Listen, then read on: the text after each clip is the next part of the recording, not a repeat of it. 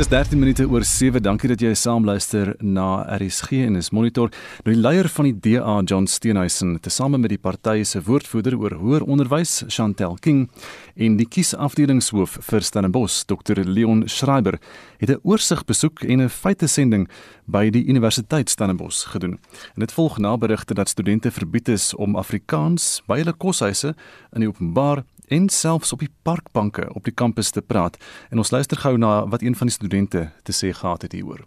My feeling of intimidation and fear became when I was told by the HEs, the Health Committee members, and our mentors that we may only speak English throughout the welcoming period. Only in our free time we may speak our home language, home language which is in my case Afrikaans. We ask that if we are sitting on the lawn out of outside rays, speaking to our roommates, who in this case is also Afrikaans. May we speak Afrikaans or should we also speak English? And they told us to speak English.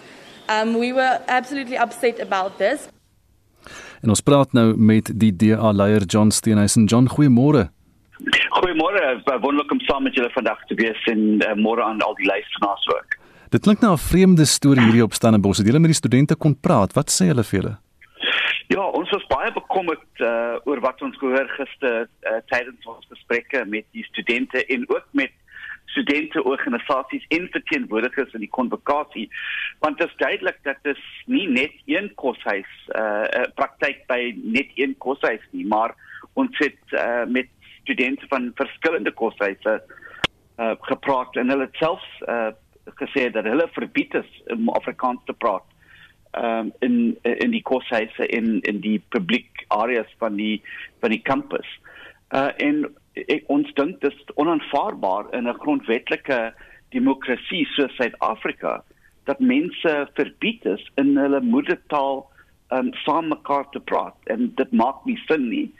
Uh maar dit gaan verder ook want ons ook met 'n uh, studentorganisasie met die naam van die voortrekkers gepraat en hulle het 'n student video gemaak maar hulle mag dit uh, nie vir die uh, vir die studente wys want die uh, universiteits uh, regering het gesê dat uh, dit net in Afrikaans is en hulle kan nie dit vir die, die studente wys. Uh, en ek dink dit is baie baie vreemd in 'n in 'n onder grondwet wat sê ons het 11 amptelike tale en ons moet ja al, al hierdie tale moet uh, gebruik word en mense moet die kans kry in hulle moedertaal te leer en ook te te praat. Ons het gehoor daar's berigte wat sê dat die studente wat hulle kan nie eers binne in die koshuis met hulle eie vriende in Afrikaans praat nie of soos hulle nou gesê het op die parkbank buitekant as jy sosiaal verkeer met iemand mag jy nie Afrikaans praat nie. Is is dit wat julle ook agtergekom het en en in watter soort ja, van grondwetlike reg skend dit? Ja, dit was baie baie duidelik uh, toe ons hulle gepraat het. Hulle uh, een van die uh, van die studente het, het vir ons gesê dat hulle kan nie ma, uh, on, hulle kan nie Afrikaans praat terwyl hulle hulle tande borsel in die môre in die in die badkamer. Uh, as uh, iemand uh, van die van die uh, bestuur van die uh, koshuis uh, uh, uh, luister en en kan hoor dat jy Afrikaans praat, dan skree hulle Engels, Engels, Engels. En dit dit kan nie reg wees. Uh, in 'n universiteit wat in 'n provinsie is waar die meerderheid van mense in die provinsie Afrikaans sprekend is. Het die universiteit se bestuur vir julle enigiets gesê hieroor? Nee, uh, maar die studente het uh, het uh, berigte aan die munisipaliteit uh, aan die aan die universiteit gedoen. Uh, maar hulle kry nie antwoorde nie en uh, een van die studente wat vir die uh, Marties nuusblad werk het ook gesukkel om uh, kommentaar te kry van die universiteit se bestuur uh, uh, en uh, ek dink uh, dit is nou iets wat hulle hulle moet ehm um, um, nou reël dat hulle 'n plan maak om hierdie situasie reg te stel want ons uh, het ons inligting gister gesamel en ons sal dit uh, by die uh, die menseregte kommissie en ook die CRL kommissie en ook in die parlement nou dryf want uh, dit dit dit kan nie so aangaan dat dat in 'n land waar ons 11 amptelike tale het uh hulle moet moet uh, by die kant een kant sit uh terwyl Engels oorneem. So het die universiteit se bestuur nie vir julle as die DA te woord gestaan nie. Nee. En sover jy nou kan verstaan, is dit net Afrikaans wat geteken word of ander tale ook? Ja, dis die dis die ding. Dit gaan dieper as net Afrikaans. Jy kan jy kan hoor ek is 'n Engelsman. Uh, maar ek dink dit is belangrik dat ons almal saam staan vir ons taalregte in Suid-Afrika in die in die grondwetlike reg om in 'n moedertaal te leer. Uh en ek ek dink dit begin met Afrikaans, maar ons moet versigtig wees dat dit sal na ander tale ook uh ander tale sal ook onder druk kom. Uh dit dit maak nie sin nie dat jy het universiteite in KwaZulu-Natal uh waar jy nie in isiZulu kan leer nie of in die Oos-Kaap dat jy kan in isiXhosa leer nie. Ons moet ons moet meer universiteite kry waar jy uh saam Engels en uh in een van die ander tale uh, kan leer want uh, ek dink dit is onregverdig vir studente waar wat kom van 'n uh, Afrikaans of of uh isiZulu of isiXhosa ehm um, ehm um, uh, klein skool, hoërskool en hulle kan nie hulle universiteit ehm um, in in hulle moedertaal leer en ek dink dit is baie baie onregverdig. Hier is natuurlik nou ek dink dit teen die grondwet. Hier is natuurlik nou oor ehm um, soos jy nou gesê het hulle praat in die koshuise, maar dan is daar ook nou die kwessie van die onderrigtaal. Wat is julle standpunt oor die onderrigtaal? Ja, ons ons ons dink dat dat elke student moet 'n kans of geleentheid kry in hulle moedertaal te leer. Ek as ek dit uh, vir uh, alreeds gesê, dit is onregverdig om te te dink dat 'n uh, dat 'n student baie goed kan doen met hulle uh, met met hulle kursus as hulle moet in 'n uh, vreemde taal wat nie hulle moedertaal is leer in 'n uh, in eksamen skryf. Ek dink dit is baie baie onregverdig. En die ding wat die studente ook vir ons gesê is dat die ehm um, die uh, dosente uh, gebruik Engels en toe hulle 'n paar van die dosente hulle pra, hulle vra vir die uh, die notas uh, na die ehm um, uh, na die die les en hy sê ons ons het nie uh, tyd om hierdie notas in Afrikaans te te, te maak. En dis onaanvaarbaar want Stellenbosch het vir die laaste eeu ehm um, Afrikaans onderrig uh, uh, gebied. En dit is onaanvaarbaar dat hulle ehm um, wou nou anglicize uh, hierdie universiteit. John Bey, dankie. Dit was die leier van die DA, John Steenhuisen. Dit is nou 27. 'n Groot aantal vis en skulpvis spesies het die afgelope tyd op strande aan die land se suid- en ooskuste uitgespoel. Die oorsaak daarvan is heel moontlike marine hittegolf.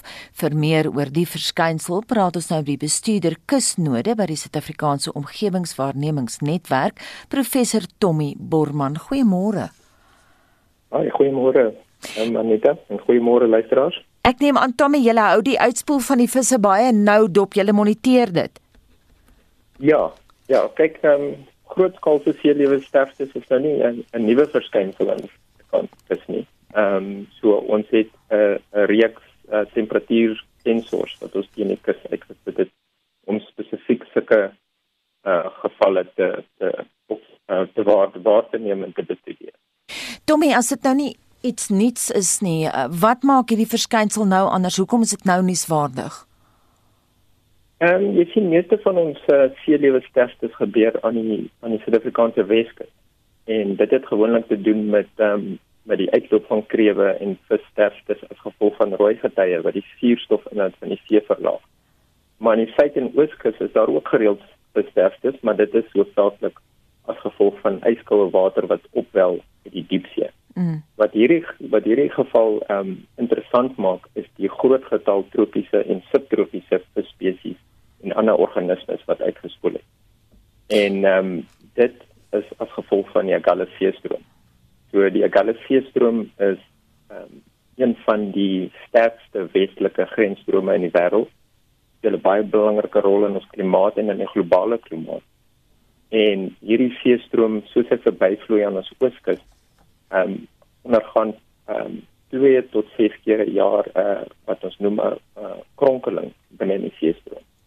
En die voorpunt van daai kronkel druk dan um, die warm agterkalle seestroomwater teen ons kus vas. Mm. en natuurlik in daai water is dan vol tropiese en subtropiese spesies omdat die water so soveel warmer is. Dit 6 7 grade warmer as as normaal Ehm um, Domie, ek kon nou nie hoor wat jy sê, hoeveel grade warmer as normaal?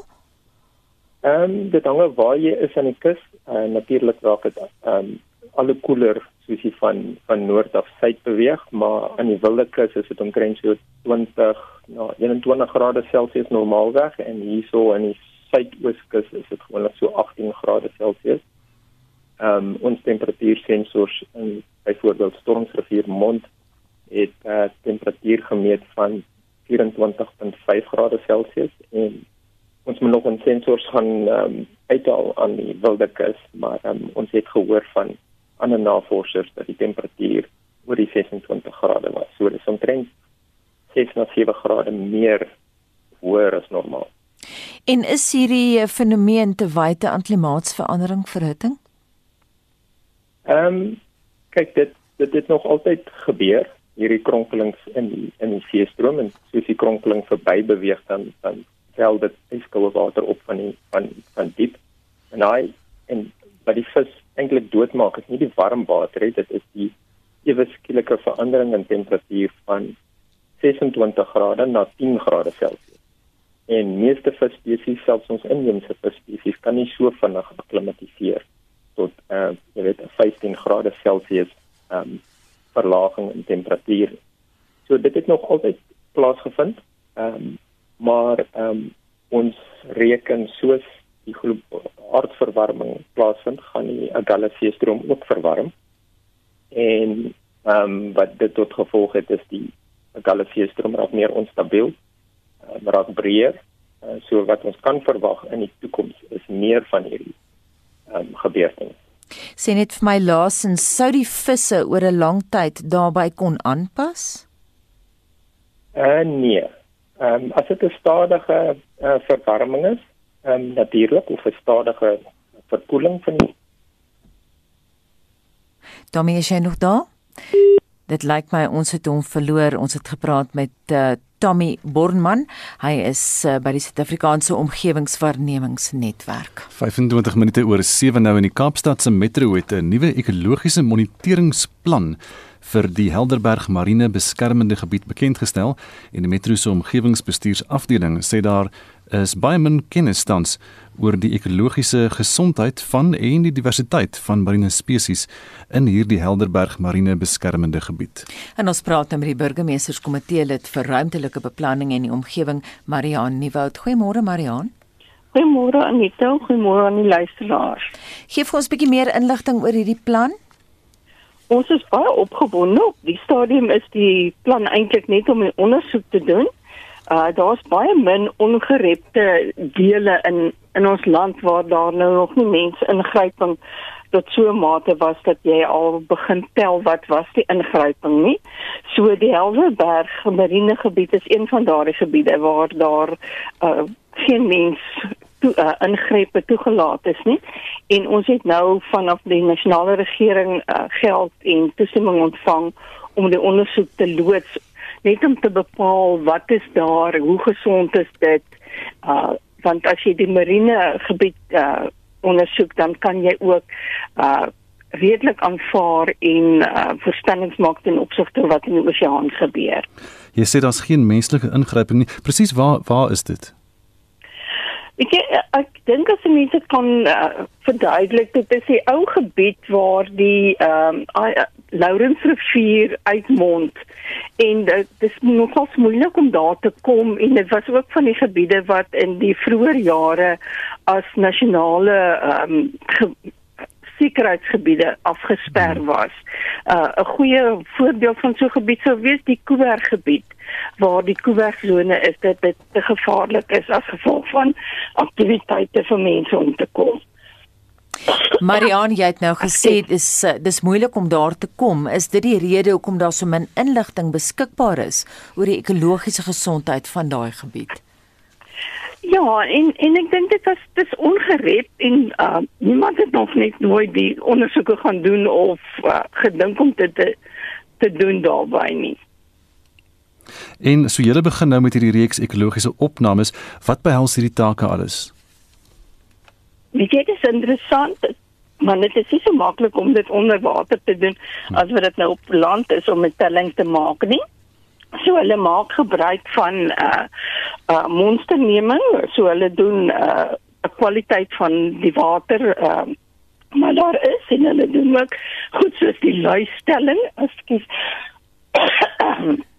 en dan uh, kyk hulle ook na die makrofauna in in die sand die en die ongewerveldes wat lewe in die in die laagwater en dan gaan hulle bietjie die moeiliker goed doen deur um, uh die visse te uh, te vang te merk en los te laat en sy nette te plaas om te kyk waar die visse dan uh migreer en wat hulle bewegings is en ons uh, hulle gaan ook uh, onderwater uh, video-opnames gebruik om te analiseer en dan uh, gaan ons voortellings doen uh, en soveel as moontlik probeer bepaal hoe lyk die uh, biodiversiteit en wat is die omvang van daardie biodiversiteit. Baie dankie en baie sterkte met julle projek. Dit dan Marian Nieuwoud, die Kaapstad Metro Burgemeesterskomitee lid vir ruimtelike beplanning en die omgewing. Die voormalige leiwag van die ANC sekretaris-generaal Ys Magashule is gister in die Bloemfontein se Hooggeregshof tronkstraf van 15 jaar opgelê. Die 43-jarige Ricardo Metler is daarvan beskuldig dat hy in 2018 'n multimiljoen rand se pierneefskildery gesteel het by die provinsiale regering se hoofkantoor in Bloemfontein. Regter Soma Naidu het Metler ook skuldig bevind aan geldwasery omdat hy die skildery aan 'n Chinese sakeman wou gee as waarborg vir 'n lening. Metler het die skildery in Maart 2018 gesteel terwyl hy gehelp het om Magashule se kantoor te ontruim. Hy het die streepieskode verwyder en die skildery met bruin papier bedek. Daarna het hy die skildery aan Wei Lun Xu aangebied vir 'n lening van tussen 2 en 3 miljoen rand. Xu het die skildery in die koerant laat plaas om te sien of iemand daarop aanspraak sou maak. 'n Senior amptenaar van die departement van openbare werke het die skildery erken en Metler gevra om dit terug te gee. Hy het geweier en 'n klag van diefstal is toe teen hom ingedien. Die DA-leier in die Vrystaat, Roy Jankelson, sê hulle wil sien dat meer mense wat betrokke is by misdade soos bedrog en korrupsie in hegtenis geneem word. Die Demokratiese Alliansie verwelkom die 15 jaar tronkstraf wat die persoon betrokke met die Pierneef diefstal gekry het in die Vrystaat. Ons is bly dat ons kriminele strafstelsel streng begin optree teen mense wat ons provinsiale hulpbronne plunder, want hierdie hulpbronne behoort aan die mense van die Vrystaat.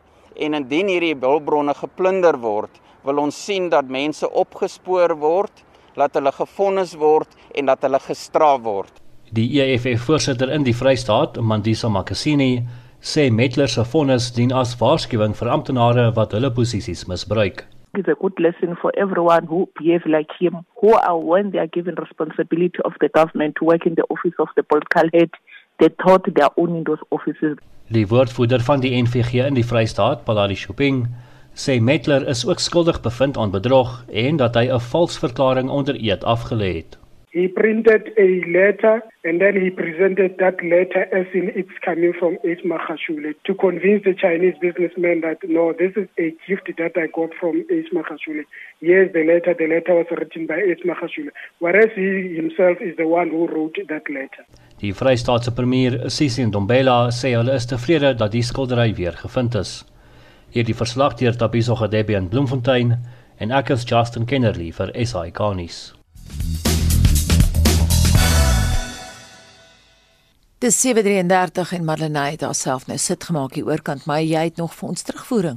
Ja, dis internasionale nierbewusmakingsdag en ons wil weet of jy 'n storie het oor jou uh, familielid se ervaring met niersiekte. En hier is die stemnotas van twee luisteraars wat eerstehandse ervaring van die kwessie het. Ek is met 'n man getroud wat 27 jaar terug na nierversaking beide sy niere verloor het en 'n nieroorplanting gehad het in Stiefbeek. 27 jaar later het die nier versaak en ja, ons is met dialyse besig, 'n uh, opdraande pad, drie moeilike afgelope 3 jare wat verby is. Nou is die Here genadig genoeg om 'n moontlike skenker weer op ons pad te sit en ons is weer besig met toetse. Deur dit alles wil ek net sê baie dankie vir die skenker wat dit moontlik gemaak het vir my om 'n man te kon hê en drie lieflike, gesonde, intelligente en wonderlike kinders te kon hê as gevolg van daai ma se groot skenking 27 jaar terug. Ek het baie keer al gewonder en gewens ek aan 'n brief skryf en vir haar sê hoe groot haar daad was en wat haar daad in ons lewens ja veroorsaak het. Nierversaking laat mens net elke dag weer wonder of daar genoeg bewustheid is oor niergesondheid. Mense drink heeltemal te maklik enige pille. My man Barend het rarig in uiterste noodgevalle 'n Panado gedrink. Rooi Louis van Bobadder. Ek het ook 'n nier verloor en ek het eers geweet ek het 'n nierverdouing gehad in my nierpypie nie. Toe nooit die eerste dokter glo nie, gaan altyd vir 'n ehm um, tweede opinie. Dan jy beter kans op ehm um, gesond te wees op die niere. En op 'n positiewe noot laat weet Rian Malan op Facebook op 4 Maart 2021 het ek die 1 jaar herdenking gevier van my nieroorplanting. Op die SMS lyn laat weet 'n anonieme luisteraar, ek was so bevoorreg 8 jaar terug om my nier vir my dogter te kon gee. Sy het aan twee Olimpiese spele deelgeneem en goud huis toe gebring en ons het ook twee kleinkinders bygegee. Alles is net 'n groot wonderwerk en ek kan nie genoeg net vra dat niemand dit moet oorsien om nie 'n skenker te word nie. Jy red verseker lewens. Jy het nog 'n kans om jou ervaring met ons te deel. Ek's net so voor 8 weer terug. Jy kan 'n SMS stuur na 45889. Dit gaan jou R1.50 kos.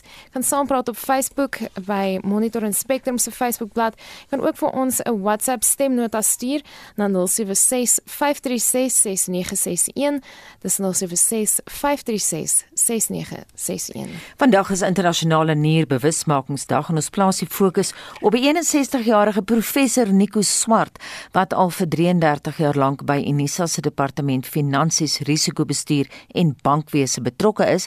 Nou Swart is al 2 jaar en 9 maande lank vir 3 keer 'n week op dialyse en hy is bereid om vanoggend sy persoonlike verhaal met ons te deel. Goeiemôre Nico. Môre Anita, môre luisteraars. Nico, jy het nou nefrotiese sindroom. Hoe is jy gediagnoseer daarmee? Anita, ja, dit was in 2008 se kant wat ek uh, boek geloods het saam met minister Naledi Pandor in in Kaapstad.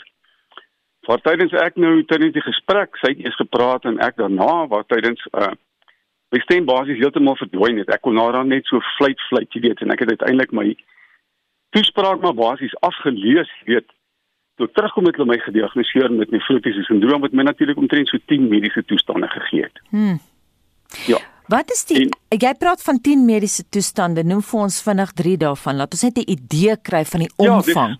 Ja, dis ja, vir iets soos hipercholesterol, uh hipersuur, hiperwaterretensie, hiper energieverlies, hiperproteïenverlies, sulke tipe dinge, jy weet. Ek moet sê vir iemand wat energieverlies het, klink jou stem baie baie wakker en by. Sê vir my op 'n persoonlike vlak, Nico, jy was nou bereid om om persoonlik te praat met die luisteraars. Wat is vir jou die heel ergste omtrent jou toestand? Die dialyse is eintlik verskriklik op die oomblik waar ek is, want dit is meer doenloos. Met ander woorde, dit stop net nie voor 'n glad nie. Jy weet so as as Ons gaan bijvoorbeeld nou maandag, woensdag en vrydag dialyse. En as hulle nou vandag vir jou sê, hoorie, so kom ons kyk dit Dinsdag. En sê hulle vir wat doen jy gister? En sê hoor ek was op dialyse. Dan vra jy met hoorie kan jy môre ons môre afspraak maak? En sê nee, maar ek is weer op dialyse. So dis 'n absolute medoonlose ding wat aanhou vir die res van jou lewe. En uh nie dat ek dit nie hanteer of kan hanteer of probeer hanteer nie. Maar 'n mens moet weet dit is nie maar net 'n geval van dis net 'n siekte wat jy het of 'n plek waar jy gaan lê en slaap en 'n uh, Hulle koppel 'n masjien aan jou en daar gebeur 'n paar dinge nie. Dit is regtig iets wat jou hele lewe totaal en al verander. Jy het nooit weer dieselfde lewe nie. Aan die ander woorde, jy kan my voel skaars dink jy gaan met vakansie, dan moet jy nou eers gereël hoe die is daar 'n bed by die plek, is daar 'n dialyse sentrum. As dit nie daar is nie, kan jy nie gaan nie. Jy weet want elke plek het sê maar 10 beddens, 5 beddens, elke sentrum waar jy nou kan gaan. En uh, as jy nou sien maar met vakansie wil gaan, dan uh, is jy eintlik maar soos 'n toerist. Hulle sien nie maar so dialyse toerist so. Hulle moet eers hoor as een van hulle mense weg is, dan is daar 'n bed vir jou beskikbaar en dan kan jy so intoe gaan. Mm maar nie net dit nie, dit verander regtig jou hele lewe. By die huis, wat jy kan kuier met vriende, hoe lank, jy weet hoe jy voel, jy voel sleg. En uh, jy is net nooit jouself nie. Jy weet daar's tye wat jy beter voel, daar's tye wat jy regtig so swak voel dat jy nie kan loop nie. En uh, veral rondom die dialyse self, jy weet het eintlik drie fases. Ek sou sê voor die dialyse toe gaan, jy weet as jy nou 'n pasiënt is. Jy weet, jy's so 'n bietjie gespanne, jy moet nou nog so intoe gaan en jy moet betyds wees en jy moet in 'n ry gaan staan want dit bepaal die volgorde wat jy opneem op 'n bed. En dan moet jy net maar 'n bietjie pak, eet goedjies, wat jy gaan doen, gaan jy 'n bietjie op rekenaar werk. As baie min mense wat dit doen, maar die meeste lê in slaap, omtrent almal. Uh baie is net te vroeg te siek of te oud of te wat ook al. En uh, jy moet maar so voor die tyd is daar 'n bietjie angstigheid om daar te kom. Jy weet, en enkele kere het gebeur as jy daar kom, hoor jy maar die ou het gister langs jou gelê of of alteewel eergister is oorlede. Mm. So dit is skokkend baie keer net om maar in te gaan nou sou jy nou binne wees dan het jy bepaalde proses. Jy weet jy's nou jy's nou of deel van die 5 uur die oggendgroep of jy sê maar die 10 uur die 11 uur die daggroep of miskien 4 5 uur die middag. Jy weet, en die dialyse duur eintlik in totaal so 6 7 ure vir die Sjoe. dag. So jou hele dag is basies daarmee ja. Ek daar's baie mense wat dit dink dis maar ja, 3 of mense dink 4 dit is net uur. vier ure, maar Ja. dis 4 ure wat jy op 'n masjien gekoppel is. Maar nou as jy instap dan weeg hulle jou byvoorbeeld, dis een van jou frustrasies ook maar. Dan het jy nou 'n bepaalde gewig of jy het goed geëet of die laaste 3 2 dae het jy goed geëet. Dan weeg jy nou so 'n bietjie meer as gewoonlik, jy weet. En dan kom jy op die bed dan sê hulle, "Hoorie, so hoeveel weeg jy?" Want jy het 'n droë gewig en dis die gewig wat jy moet probeer hou ten einde jou hart en jou niere te beskerm. So dan trek hulle 'n kilogram of 2 of selfs 4 of 5 by tye het ek al gesien wat hulle water uit jou trek. Mm. En dan is daar baie keer 'n redelike woordewisseling tussen tussen 'n persoon wat skaars kon loop terwyl hy daarin gaan en nou moet daar soveel water uit hom getrek word. Ek self moes nou ja, moes hulle terwyl er van baie water op my longe en niere en lewer althans moes hulle op een dialyse sentrum in 'n hospitaal 7 kg water uit my trek. 7 kg water, liewe hemel. Ja. Sê gou natuurlik daarna was ek heeltemal reg. Ek het opgestaan en kon weer asemhaal. Ek ek kon niks asemhaal nie en ek het my eetlus was weg vir 2 maande. Sjoe, wie En, sou eh, dit so, kon dit is baie belangrik die dinge, maar dit is daar's baie uh, uh, interaksie as jy daar kom. Want jy weet as jy nou binne lê, interaksie tussen mense, kulture, jy sien al die gelowe, jy weet en jy moet besef hierdie is jou familie. Dit jy's vir die res van jou lewe daar of op 'n ander soortgelyke plek. En jy moet baie goeie verhouding met die mense hê. Jy weet ons kry natuurlik baie goeie behandeling van al die personeel, hulle kyk na jou, hulle doen moeite, hulle praat met jou net wat die probleem is en nog 'n frustrasie wat daar lê is natuurlik jou bloeddruk wat die hele tyd gemonitor word. Want jy nou elke masjien het 'n groot klok, daai klok lui verskriklik, jy weet. Jy skrik eintlik baie maal as hy klok klok afgaan en hy lui lank tot hom nou kom afsit. Maar soos wat jou gedagtes nou gaan of dit nou persoonlike probleme is of jou finansies of of jy nuus kyk of jy nuus lees hier op jou selfoon dan gaan jou bloeddruk op lei daai klok. Jy weet so daar is baie frustrasie daar binne. Dit is nie net dit nie en natuurlik binne 'n halfuur is jy eintlik so honger want daai masjien verwyder al die vitamiene in jou lyf saam met die gif wat hy verwyder. Nico, ek Ja. moet net vir jou 'n laaste vraag vra. Ons het nou luisteraars gehad Ja. wat reaksie gelewer het ver oggend en van hulle het nieroorplantings gehad. Sou jy nie 'n goeie kandidaat wees vir 'n nieroorplanting nie? Weet jy, ek dink die tyd sal leer op hierdie stadium voel 'n mens nog jy, jy voel nog goed genoeg met met die met die metode wat hulle nog die gif uit jou haal, jy weet. Ek dink dalk vorentoe en as 'n mens sieker word, natuurlik sal jy dit oorweeg, jy weet, maar ek is net ek dank ek is net baie dankbaar vir dialyse want dit red jou lewe. Sonder dialyse of as enige dialyse pasiënt net vandag stop, is jou lewensduur 10 dae. Tussen 7 en 14 dae. Nie jare nie, 10 dae. Hmm. So dialyse red jou lewe. En uh, mense moet maar leer om een dag op 'n keer te leef. Want dit is wat dit my gebeur het. Leef een dag op 'n keer. Wees positief. Doen goed. Uh, maak seker dat jy gelukkig is want jy's verantwoordelik vir jou geluk. En die van jou familie wat jou so versorg. Jy weet en die ons is so dankbaar aan familie en man of 'n vrou wat ons versorg. En weet hulle kry net so swaar deur al die goed, deur al die prosesse en al die opoffering en die min slaap en die nagte en die pille en alles wat gedoen moet word. So ons sê baie dankie vir ons dialyse sentrums en vir ons vaders, jy weet. En ons sê baie dankie dat jy bereid was om jou persoonlike verhaal met ons te deel. Dit dan professor Nico Swart. Hy is nou al vir 33 jaar lank betrokke by Unisa se departement finansies, risikobestuur en bankwese en hy gaan 3 keer per week vir dialyse. 16 minute voor 8 nou en ons bly by ons fokus op niere en praat nou met 'n nefroloog van die Universiteit Stellenbosch. Uh is by Tygerberg Dr. Johan Nel. Johan, goeiemôre. Môre. Hoeveel Suid-Afrikaners word in hierdie land gedialiseer? Dis baie belangrik om 'n om 'n akkurate idee te hê van die impak van 'n siekte. So die die Suid-Afrikaanse Niervereniging het uh, onder leiding van my kollega Prof Razin Davids 'n paar jaar terug 'n register begin en uh met die laaste opname weet ons ons min of meer 10700 pasiënte met eindstadium nierversaking waarvan uh vyfde reeds oorplantings ondergaan het en die res is almal op 'n vorm van dialyse of in die privaat sektor of dan by die staat. Sê vir my Johan, ons het nou gehoor dat een van ons luisteraars van Pofadder het gesê, uh, weet jy ek het nie eers geweet ek het 'n niervernouing nie. Hoeveel mense loop daar buite rond en het 'n onderliggende nierprobleem wat nog nie simptomaties is nie? Anita, dis 'n dis 'n baie belangrike konsep daarin. Jy weet die die getal mense op dialyse of wat reeds oorplantings gehad het, is maar die oortjies van die seekoe. Uh ons ons weet in studies in die Weskaap onder gesonde onderwyserspopulasie onder die ouderdom van 45 dat 6% reeds 'n vorm van kroniese niersiekte het. En in die mees onlangse studie in Sub-Sahara Afrika, ehm um, is die persentasie in die totale populasie geskat op ongeveer 12%. Nou, dit is baie betekenisvol. Dit is belangrik om te besef hierdie is mense met 'n vorm van kroniese niersiekte of inkorting. En as dan nie na hulle gekyk word nie, dan uh, gaan hulle draai in eindstadium nie versak.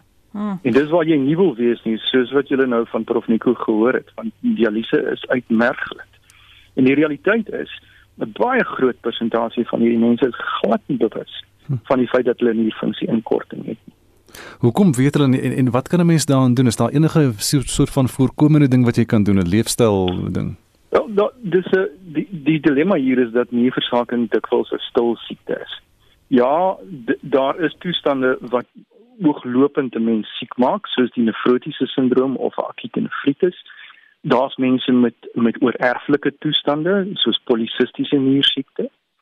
Ehm um, maar ons mees algemene oorsaak vir kroniese nierfunksie inkorting op hierdie stadium is beslis lewenstylverwant. Die fatale kombinasie van obesiteit met hipertensie en diabetes. Hmm. En die, die realiteit is dit is eintlik baie maklik om basiese siftingsondersoeke hiervoor te doen. As jy diabetes behoort jy jaarliks 'n uh, bloedtoets te ondergaan om te kyk na jou nierfunksie. As jy hipertensie het, ehm um, behoort jy allerminstens elke 2-3 jaar as jy by jou huisdokter aankom 'n basiese urinedoopstokkie toets te hê om te kyk vir bloed of proteïene in die urine. Mhm. -huh. Die oomblik wat ons hierdie risikofaktore optel op soet op voedselvlak, dan word daar verder gegaan en daar word bloedtoets gedoen om te kyk na nierfunksie en dan word die pasiënt aanverwys om om hanteer te word. Maar ek ek dink dit is baie belangrik vir mense om te besef jy kan stap sonder enige simptome tot en met eindnier eindstadium nierversaking voordat jy gaan begin sleg voel.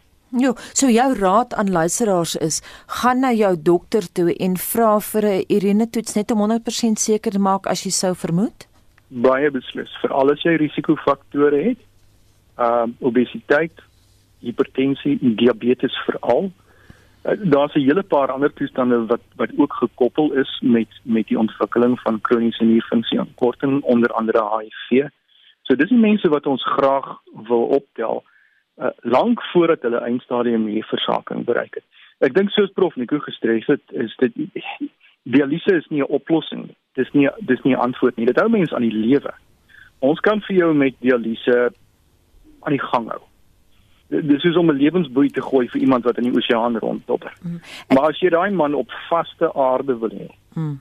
het die pasiënt 'n nieroorplanting nodig. En die realiteit is ons het 'n drastiese se tekort aan geleenthede en skenkers om vir mense niere te gee. Die die die insidensie van kroniese niersiekte word hoër en hoër en gevolglik ook dan nou die hoeveelheid pasiënte met eindstadium nierversaking. En dialyse is duur. Ons hmm. kyk na koste van maklik 200 000 rand per pasiënt per jaar. So ja. staatsfasiliteite is beperk. Ehm uh, en ek dink die realiteit is 'n baie groot persentasie van ons bevolking kan eenvoudig nie 'n mediese fonds bekostig om toegang te hê tot hierdie baan. Ja, ons sou so, nog baie lank met jou kon praat, maar ons het 'n tydprobleem. Ek wil net laasens vir jou vra, miskien 'n bietjie goeie nuus vir luisteraars. Wat is die persentasie van suksesvolle oorplantings? Ons het gehoor vanoggend 'n kind van 7 jaar het uh, het 'n nieroorplanting gehad. Hoe suksesvol kan daai operasie wees? die operasie self is baie suksesvol. Ons het ons het twee bronne van van skenkings. Die een is 'n uh, pasiënt wat amptelik breindood verklaar is en breindood is dood, glo my. Daardie verklaring word deur twee gekwalifiseerde dokters gedoen. En waar dan dan van die familie gevra word, kan ons mag ons die organe gebruik? Mm. Die Afrikaanse wetgewing vereis dat die familie toestemming gee. Die die ander moontlikheid is die van 'n uh, uh, lewende skenker en waar dit 'n bloedverwante familielid is, uh, kan ons aangaan met die opwerk waar dit 'n nie verwante skenker is, soos 'n vrou of 'n man of 'n goeie vriend of 'n aangetroude familielid, uh word daar 'n proses deur die ministeriële advieskomitee gevolg om seker te maak dat die skenker absoluut veilig is.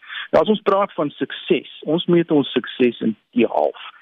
En daai daai term beteken as ek vandag 100 oorplantings doen, hoe lank van nou af gaan 50 van daai 100 mense nog totaal onafhanklik kan lewe sonder om nuwe oorplanting nodig te hê of sonder om al klaar terug te wees op dialyse. En daai tyd is nee, tussen 15 en 17 jaar. Nou dis dis 'n dis 'n gemiddelde. Baie pasiënte loop na 35 jaar nog rond met blakende gesondheid en uh, normale nierfunksie na oorplanting. Verander het hulle reeds probleme binne die eerste paar maande dis iets wat ons ongelukkig nie uh prospektief kan kan uh, voorspel nie. Baie dankie en so sê nefroloog aan die Universiteit Stellenbosch by Tygerberg, Dr. Johan Nel. Dis 8 minute voor 8 in tyd vir wêreldnuus gebeure. Nou die Wêreldgesondheidsorganisasie het vandag presies 'n jaar gelede die koronavirus as 'n pandemie verklaar en hier is daardie aankondiging op 11 Maart 2020 deur die WHO se direkteur-generaal Tedros Adhanom Ghebreyesus.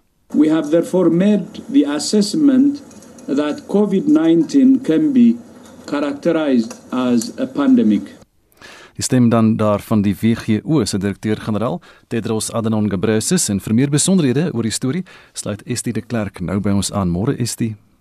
Môre Gustaf, meer as 2,6 miljoen mense het reeds wêreldwyd weens COVID-19 gesterf maar daar is hoop soos wat enstowwe wêreldwyd versprei word.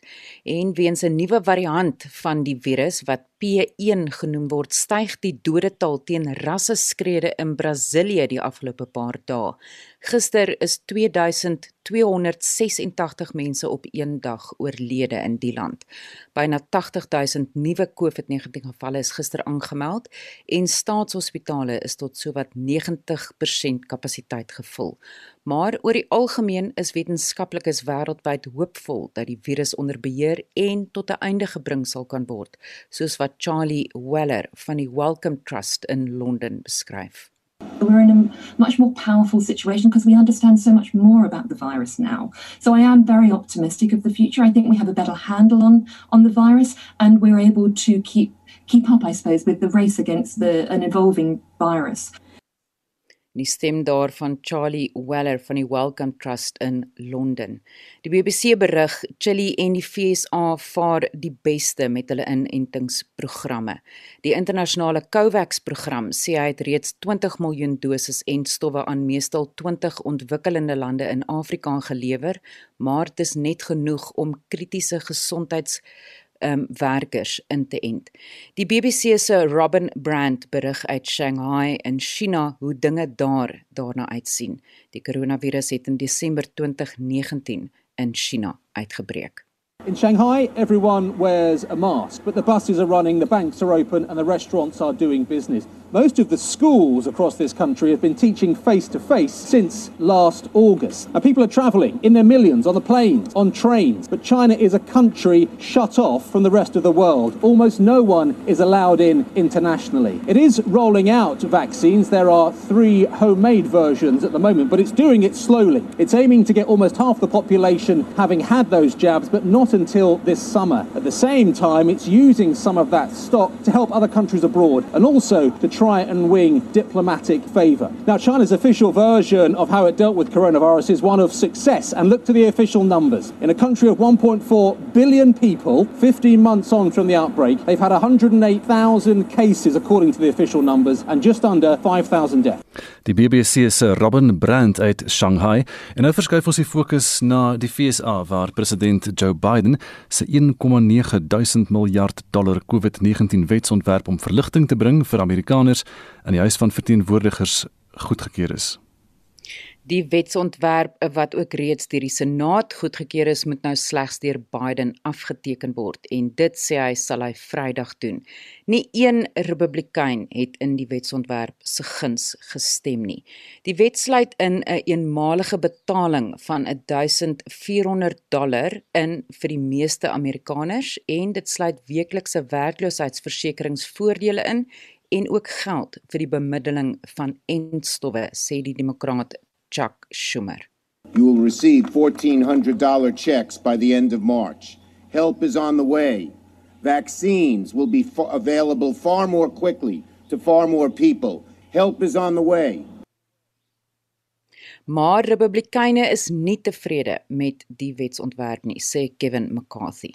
This isn't a rescue bill. It isn't a relief bill. It's a laundry list of left wing priorities that predate the pandemic. And do not meet the needs of the American families. No wonder even House Democrats have said they are embarrassed by what is in it. Die stem van die Republikein Kevin McCarthy. Desnietenstaande meen president Biden die wet sal tot voordeel strek van alle Amerikaners. Estie de Klerk met 'n oorsig oor vandag se wêreldnuusgebeure. Die Kaapstad Stadion het 'n nuwe sakeplan van stapel gestuur of geloods liewer om inkomste te genereer. 'n Mens kan nou lidmaatskap by 'n nuwe sakelosie by die stadion koop. Kobben August het die besonderhede. Die jaarlange gasvryheidspakket bevat eksklusiewe toegang tot 2100 premium sitplekke in die stadion en 'n uitstekende gasvryheidsruimte. Die pakket bevat ook 'n Weselike provinsie rugby seisoenkaartjie. Die jaarlikse lidmaatskap sal tussen 8 en 15000 rand kos. Leslie De Reek, uitvoerende hoof van die Kaapse Stadion, sê mense wat belangstel kan 'n belangstellingsvorm onderteken om 'n plek te bespreek. Die eerste area sal wees vir die werklike die groot en baie ernstige sport man wat na rugby toe kom om te kom rugby kyk en rugby te gesels. Die tweede area is bietjie meer gerig op die professionele besigheidsman wat na geleentheid toe kom. Hulle wil nie rugby kyk maar ek dink hulle prioriteit 1 is om te netwerk en en, en sy besigheid te groei. Ehm um, en dan die derde area wat ons vestig is meer gesinsvriendelik De Reek sê die stadion is ook gereed om sportliefhebbers en besoekers terug vir groot geleenthede te verwelkom. Die terugkeer van ondersteuners wat sportwedstryde in die stadion kyk, sal help om broodnodige inkomste te genereer en die finansiële druk wat die stadion tans in die gesig staar te verlig. Groot byeenkomste of sportwedstryde met toeskouers word weens die COVID-19 pandemie reeds byna 'n jaar lank nie meer in die stadion aangebied nie. De Reek sê die stadion kan maklik duisende mense vir geleenthede en wedstryde huisves terwyl dit steeds aan al die nodige COVID-19 protokolle voldoen. Wat die hele kommersiële model dryf is bums and seats wat ons nie op die oomblik het nie. So dit het ons 'n baie groot finansiële knou gegee en ons moes geld in huis vind om die inkomste wat ons sou gegenereer het te fundeer. So, jy weet, Ons is regtig op 'n punt nou en ek dink die hele industrie waar ons dit nodig dat mense na stadions en na geleenthede toegelaat word. Hoewel die stadion professionele rugby sal aanbied, sal dit nie uitsluitlik 'n rugby stadion wees nie. Premierliga sokkerwedstryde, groot konserte en ander geleenthede sal in die stadion aangebied word. Ek is Kobben August in Kaapstad. Laaste stemnotas. My vriendin van 'n hele paar jaar het ehm um, nierversaking gekry. Sy het ongelukkig albei haar niere in 'n baie kort tydjie verloor. Sy was op dialyse. Sy het ander gesondheidsprobleme ontwikkel. Sy het diabetes ontwikkel. Sy het allerlei klein goedjies ontwikkel waarvoor sy medikasie moes kry. Dan werk die medikasie nie met die dialyse nie. Dan werk die dialyse nie met die medikasie nie en so het dit aangegaan. Maar sy was 'n fighter. Sy het vir jare dialyse gekry en dan ek en sy het saam op vakansie gegaan. Ons het 'n bol gehad. Ons het op die boot gegaan. Dit was awesome om daai tyd saam met haar te spandeer. Sy's ongelukkig 2 jaar gelede oorlede. Ek mis haar nog elke dag. En dit was monitor met ons waarnemende uitvoerende regisseur Wessel Pretorius, ons redakteur volgende Hendrik Martin en produksieregisseur Daitrin Godfrey. Ons is môreoggend om 6uur terug. Ek is Gustaf Vreiling en my naam is Anita Visser. Is die groot is reg met die 8uur nuus.